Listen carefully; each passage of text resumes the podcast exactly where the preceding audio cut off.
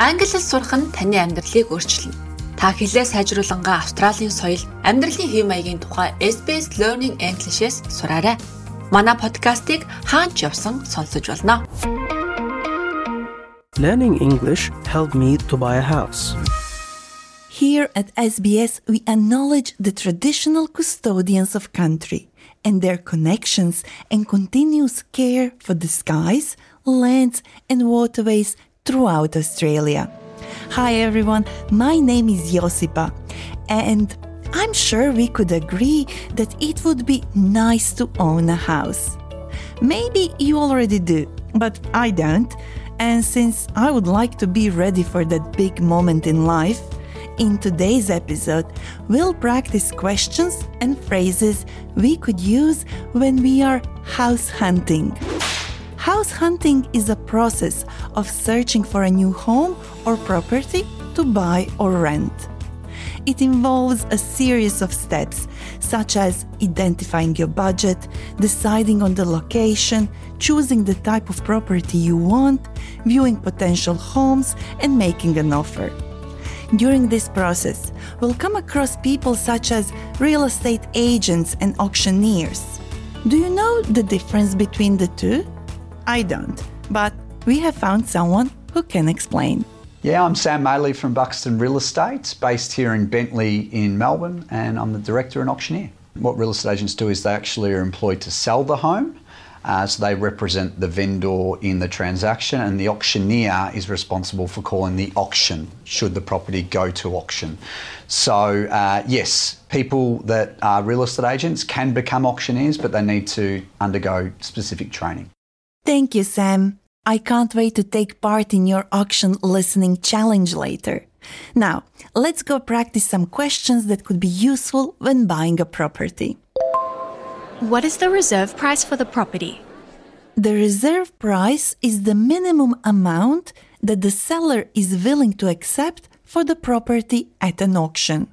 So, when you ask, What is the reserve price for the property? You are asking what is the minimum amount that the seller is willing to accept. It's also useful to know if the property has any structural issues, physical problems with the building, or if a property has any legal disputes. Legal disputes are disagreements which may result in legal action. These may be arguments about money that still needs to be paid to a builder or some other problem. You don't want to buy a house where there are legal problems. So, you could ask Are there any issues I should be aware of? Structural issues or legal disputes? Moving on. For the next question, we need to know about the settlement period. The settlement period is the length of time between the exchange of contracts and the time when the sale is completely final. In Australia, this period is typically between 30 to 90 days. So, you could ask What is the settlement period? And are there any other conditions that need to be met before settlement? You might also request to look at any reports that have been done on the property. That is, any building inspections or valuations. A building inspection is an assessment, rating, analysis of the condition of a property conducted by a qualified building inspector. A property valuation is an assessment of the current market value of a property, and it's typically done by a qualified person. You could ask Have any building inspections or valuations been carried out on the property? I'd like to see the reports, please. After you ask all your questions, if you are considering buying the property, you can do this through an auction or private treaty. This is decided by the seller. Buying a home at auction can be exciting and intense as you bid against other potential buyers at a live event. In a private treaty, the seller specifies a price and you negotiate from there privately with the seller or real estate agent. It's private because you don't know how many other people are placing offers. Okay, now, before we hear the last question, we need to go through some vocabulary first, like a bid, bidding process, the highest bid, starting bid, bidders. Let's start with the word bid. Once you know what this means, the other words will make a lot more sense. A bid is an offer made by a potential buyer to purchase the property for a specific price.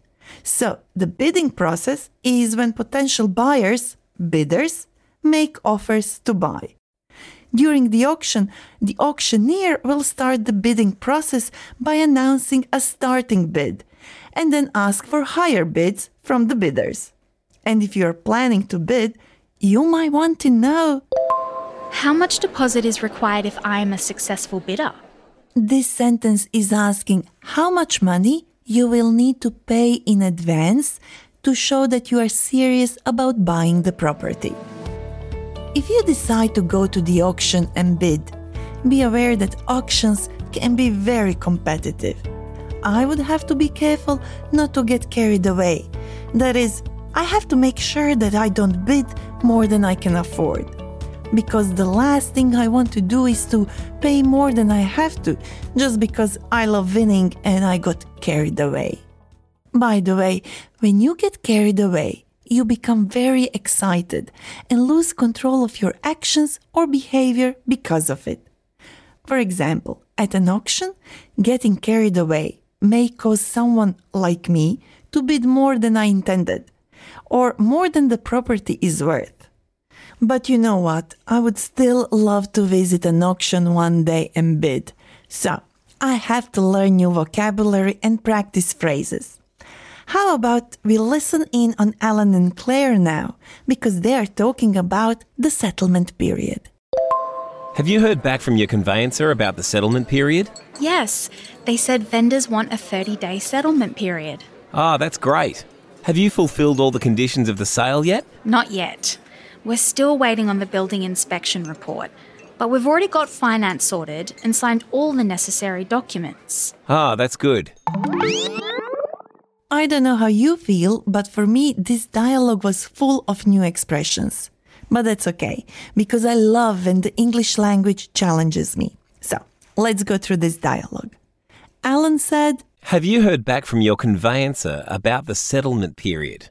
We've already heard that the settlement period is the length of time needed for the money and the property to officially change hands so that there can be an exchange of ownership. But Alan used another word. What was it? Um, let's hear him again. Have you heard back from your conveyancer about the settlement period? A solicitor or conveyancer is the person who looks after the legal transfer of property. They're legally trained and certified. They can ensure that all necessary legal steps are taken. Alan also asked Claire, Have you fulfilled all the conditions of the sale yet? Not yet. We're still waiting on the building inspection report, but we've already got finance sorted and signed all the necessary documents. During the settlement period, the buyer must fulfill all the conditions of the sale as specified in the contract of sale. And if you got your finance sorted, you have arranged your finances and are ready to make a purchase, such as buying a house or a car or anything else. Sam, would you like to add something? Yeah, I quite find it is fairly common at auction for Chinese speaking clients or Mandarin speaking clients to um, get mixed up with numbers. So I'll ask for a rise being the auctioneer of $10,000 and they will just nod their head and say yes, but they actually mean $1,000, not $10,000. So if you aren't speaking um, English, sometimes it can be a very expensive mistake. And I've got a tricky challenge for you, and here it goes. I'll call an auction and you need to work out what the bidding starts at, what increments we're going up in, and what the eventual sale price is. So here goes.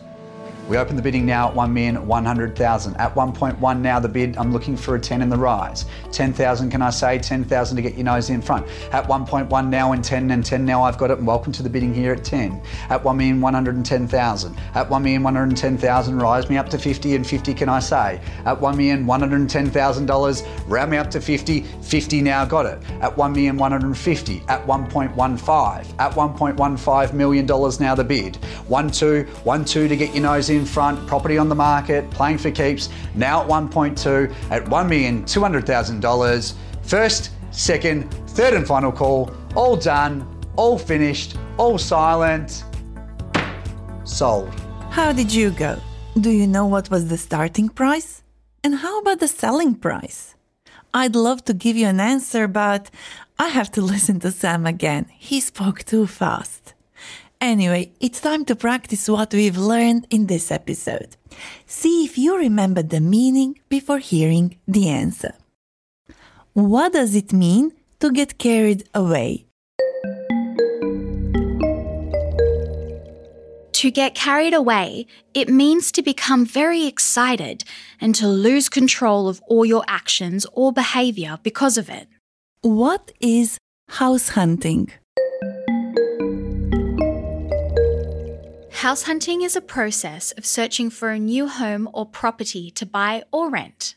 Now let's practice with Alan and Claire questions we can use at an auction. You can repeat after them. What is the reserve price of the property? Are there any issues I should be aware of? Structural issues or legal disputes?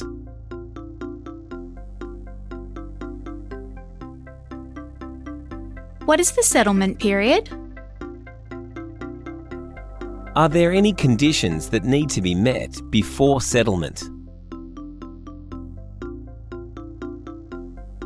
Have any building inspections or valuations been carried out on the property?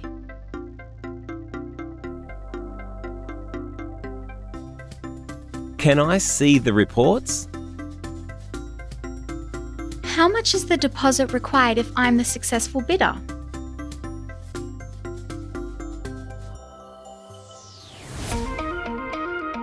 You know that we love hearing from you. Let us know what topic you would like us to work on next. Send us an email learnenglish at sbs.com.au or reach out on Facebook. We are SBS Learn English. I'm Josipa. Thank you for learning English with me. My house hunting was very successful because I was able to communicate well with my real estate agent and negotiate the terms of sale. Learning English can change your life. Subscribe so you don't miss an episode and visit our website for learning notes and transcripts.